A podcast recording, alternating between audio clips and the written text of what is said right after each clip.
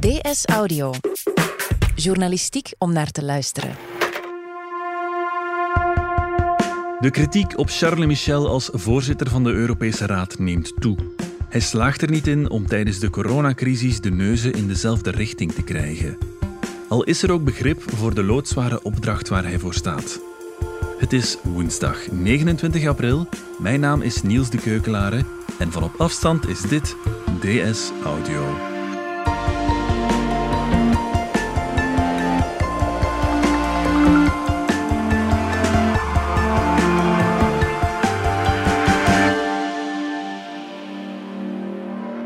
Dag Bart Beierland. Vorige donderdag is de zoveelste Europese top die werd geleid door Charles Michel op niks uitgedraaid.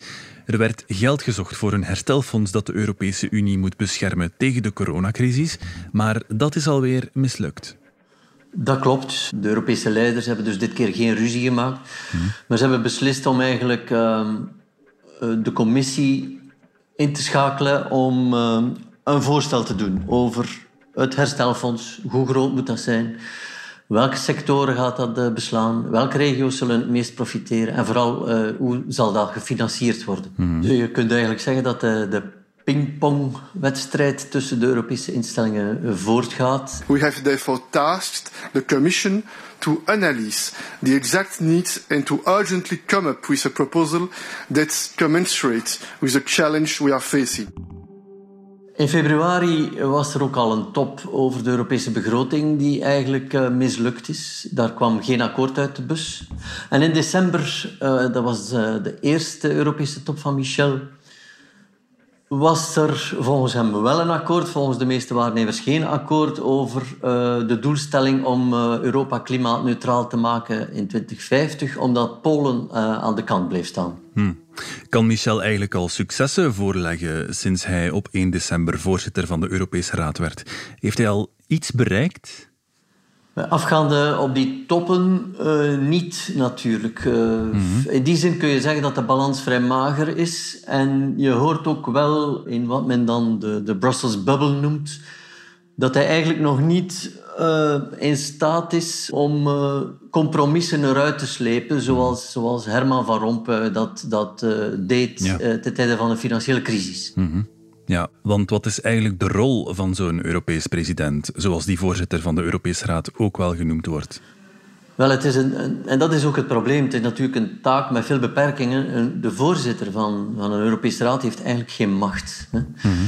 Je kunt het misschien vergelijken met een, een herder die 27 schapen moet proberen door een poort te krijgen. Mm-hmm. En die poort is dan een moeilijke beslissing. Ja.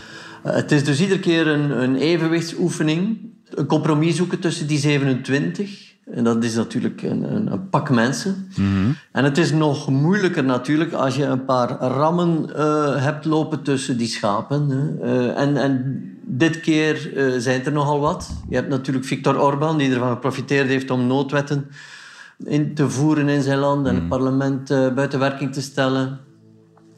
En dan heb je de, de Italiaanse premier Giuseppe Conte, die heel moeilijk zit uh, binnenlands. Die ook geen machtsbasis heeft. Die onder vuur ligt van de legaleider uh, Salvini. Mm-hmm. Dus het, het, is, het is heel moeilijk. Er zijn heel wat uh, schapen die, die niet willen bewegen. En, en ja, wat heeft een Europees voorzitter? Overredingskracht. Hè? Inpraten, mm-hmm. proberen te verzoenen.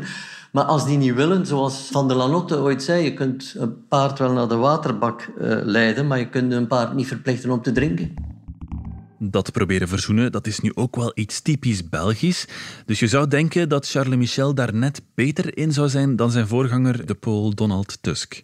Dat is de reputatie die we meedragen. Maar natuurlijk nog eens, uh, je hebt 27 leiders die elk rekening houden met hun uh, politieke situatie in hun land. Mhm. De publieke opinie, hoe is de toestand in het parlement. Daar denken zij in de eerste plaats aan.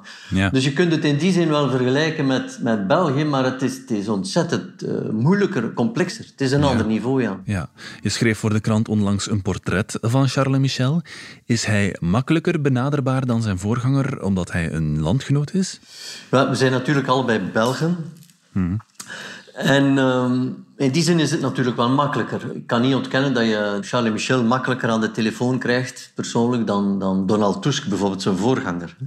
Maar uh, Europese collega's vragen dat dan ook uh, soms aan ons: van, van ja, maar krijgen jullie niet meer informatie? En daar is het antwoord vaak negatief. En ik kan dat ook begrijpen vanuit uh, Michel en, en zijn entourage, omdat als er een lek is in de pers, dan gaan anderen al rapper vermoeden, ah, het komt van bij Michel, de, de Belgen hebben uh, elkaar geholpen. Mm En dat willen zij natuurlijk ook vermijden. Dus uh, in die zin uh, werkt het niet altijd in ons voordeel. Ja.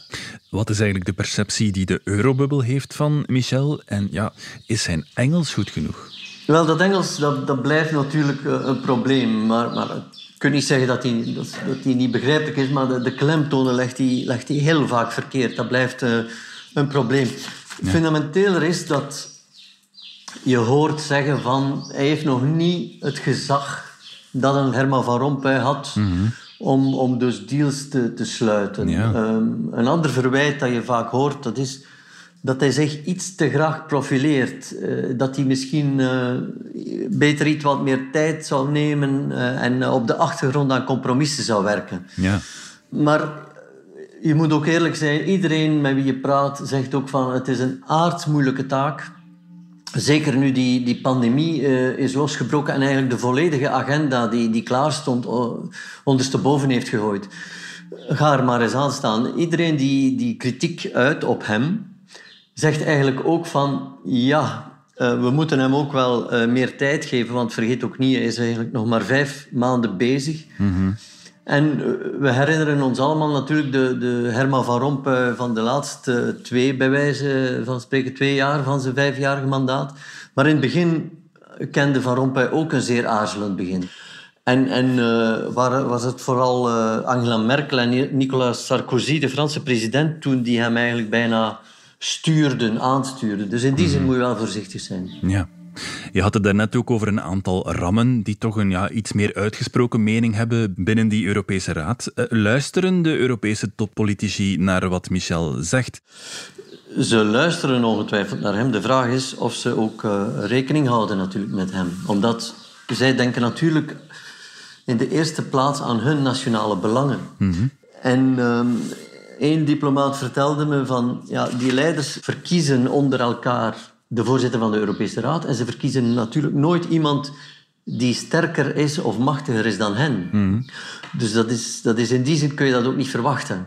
Het, het is een soort bemiddelaarsrol, bruggenbouwer. Dat moet hij zijn. En, Mm-hmm. en of die anderen daar dan in meegaan, hangt in sterke mate af ook van de manoeuvreerruimte die die leiders hebben in eigen land. Mm-hmm. Zijn er verzachtende omstandigheden voor Michel? Bijvoorbeeld door het coronavirus vergaderen de Europese leiders vooral virtueel via de webcam. Ja, dat maakt het ook allemaal niet eenvoudiger, denk ik. Dat maakt het zelfs een stuk moeilijker. Op een normale Europese top gaan die leiders uh, zien elkaar uh, face à face. Ze kunnen elkaar in de ogen kijken. Mm-hmm. Ze beschikken over teams van Sherpas. Ze verzamelen zich in, in uh, aparte kamers, in kleine groepjes. Gaan op zoek naar compromissen. Dat is nu allemaal niet mogelijk. Mm. En bijvoorbeeld veilen aan een tekst. Hè. Er ligt normaal altijd een ontwerptekst klaar voor een Europese top. Maar dan wordt er gediscussieerd en moet die tekst aangepast worden. En je hoort dus dat het ontzettend veel moeilijker is om dat te doen via videoconferentie. Mm. Uh, dus het heeft echt wel uh, nadelen. Als je echt op zoek wil gaan naar compromissen, is het veel moeilijker, veel omslachtiger. Ja, ja. En dat speelt in zijn nadeel.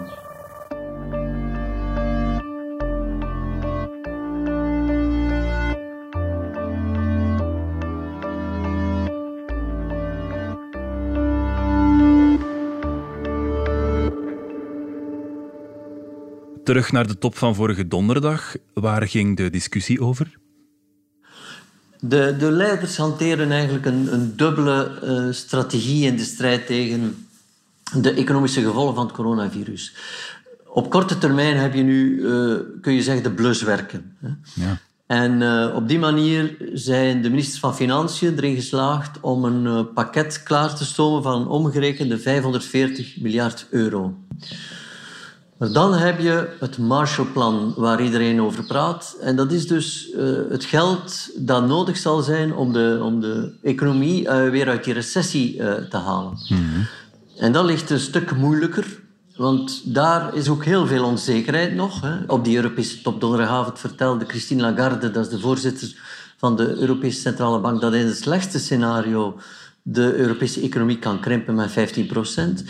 Dus het, het, is heel moeilijk. Uh, je weet nog niet hoe groot moet het pakket zijn. Mm En dan, afhankelijk van die grootte, wie, wie zal en hoe gaan we dat betalen? Ja, die discussie over de financiering van dat Marshallplan is al enkele weken bezig. Daaruit blijkt vooral dat er een grote verdeeldheid is tussen de noordelijke en de zuidelijke lidstaten. Waarin verschillen zij zo?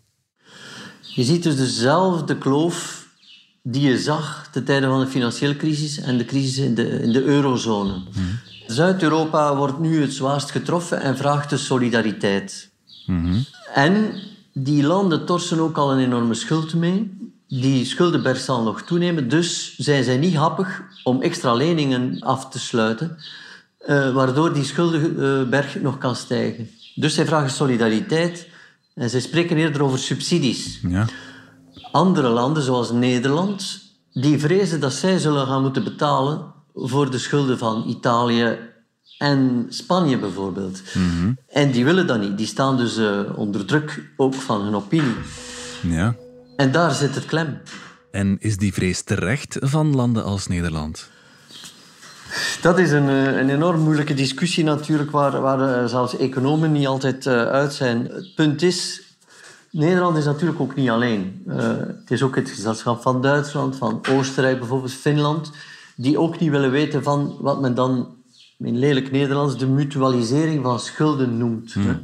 Het gemeenschappelijk aangaan van schulden.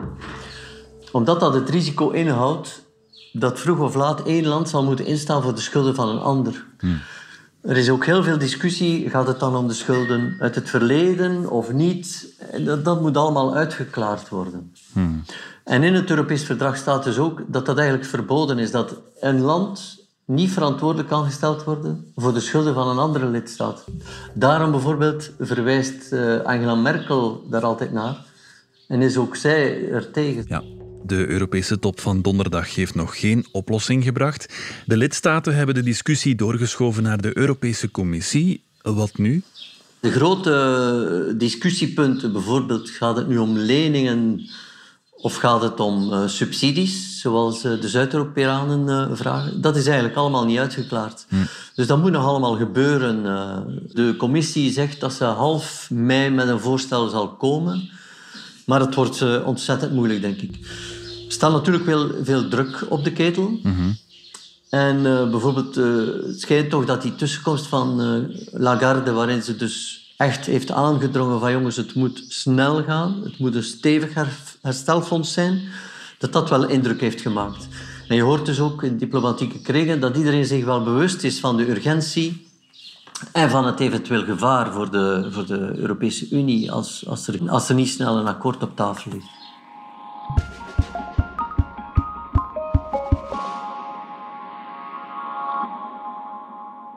Het zijn zonder twijfel uitzonderlijke tijden. We zien over heel Europa ontzettend veel menselijk leed en deze pandemie aanpakken kost ons miljarden euro's.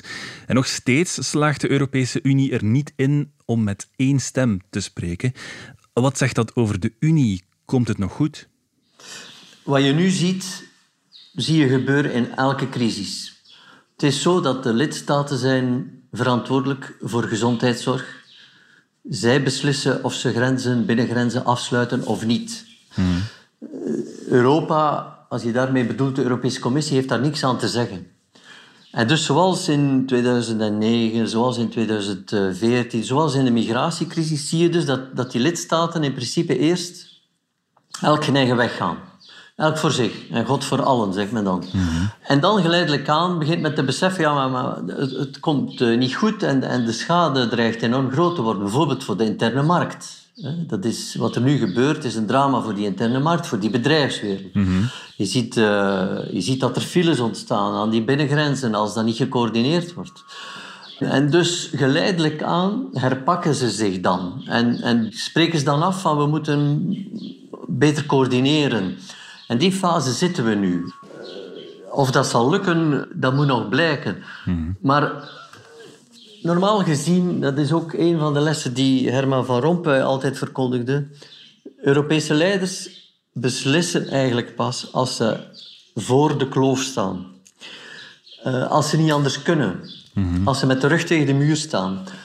En als dat gebeurt, dan, dan zien ze in dat de nadelen van een eventueel uh, opbreken van de Unie, dat die zo ontzettend groot zijn, dat ze wel een compromis moeten sluiten. Nood breekt dan soms wet. Ja. En misschien zijn we nog niet ver genoeg, dat zal uh, blijken. Italië is een van de landen die zich in de steek gelaten voelt door Europa. Steeds meer Italianen zien het nut van de EU niet meer in, schreef je in de krant. Komen we dan gevaarlijk dicht bij een Italexit, een vertrek van Italië uit de Europese Unie? Denk het niet, omdat ook de Italianen beseffen wellicht dat dat dramatische gevolgen zou hebben. Als, als je uit de eurozone stapt en opnieuw een lieren invoert, of, of welke munt dan ook, dan, dan heeft dat dramatische gevolgen. Een van, van de bronnen die ik sprak, die zei, ja, dan plegen ze gewoon harakiri. En, en dat beseffen ze ook. Dat, dat beseft zelfs een Salvini. Dus uh, het is een verschil tussen tekeer gaan en dreigen en dan uiteindelijk die stap moeten zetten. Een ander fenomeen, dat is die onthoogeling bij de Italianen zelf. Mhm. Die zich afvragen, waartoe dient de Europese Unie nog? Hebben we daar nog voordeel bij? En uit peilingen blijkt dat dat dramatisch gezonken is. Dus het grote risico in deze crisis is dat bijvoorbeeld een land als Italië heel slecht uit de crisis komt, dat de, de verschillen met sterkere landen zoals Nederland en Duitsland nog groter worden. Mhm. En dat dus die cohesie binnen de Europese Unie, dat die wegvalt en, en verder verzwakt. Want die is al aangetast door die vorige eurozonecrisis. Ja. En dan word je kwetsbaar ook voor, om, om beïnvloed te worden door het buitenland, om uit elkaar gespeeld te worden door landen die ons willen verzwakken. Mhm. ik, ik, denk dat dat risico groter is dan het risico op een Italexit, maar zeg nooit nooit natuurlijk. Ja. Je sprak voor de krant verschillende Europese bronnen die zeiden dat de EU nog nooit zo fragiel was als nu. Is dat zo? Ik denk het wel, omdat eh, je mag niet vergeten wat we nu meemaken sinds 2008, 2009 is een opeenvolging van crisissen. We hadden de financiële crisis, we hadden de, de begrotingscrisis in de lidstaten, dan hadden we de migratiecrisis. En nu komt daar ook, ook nog eens deze pandemie op, waarvan iedereen zegt eh, de impact op de economie zal groter zijn dan, dan wat we ooit meegemaakt hebben. Mhm. Dus dat het gebouw uh, begint te schudden en te beven is normaal. We gaan moeten zien uh, in welke mate het stand houdt. En dat mhm. zal afhangen van de reactie van de leiders. Ja. En dan komen we terug bij Michel. Wat zou hij kunnen doen om dit nog uit het slop te trekken? Er zitten een enorme vertrouwenscrisis opnieuw in die, eh, tussen die leiders. Eh, men wantrouwt elkaar. Hè. Mhm. De Noord-Europeanen die denken van... Uh, ja, maar de Zuid-Europeanen willen eigenlijk dat wij hun schulden betalen.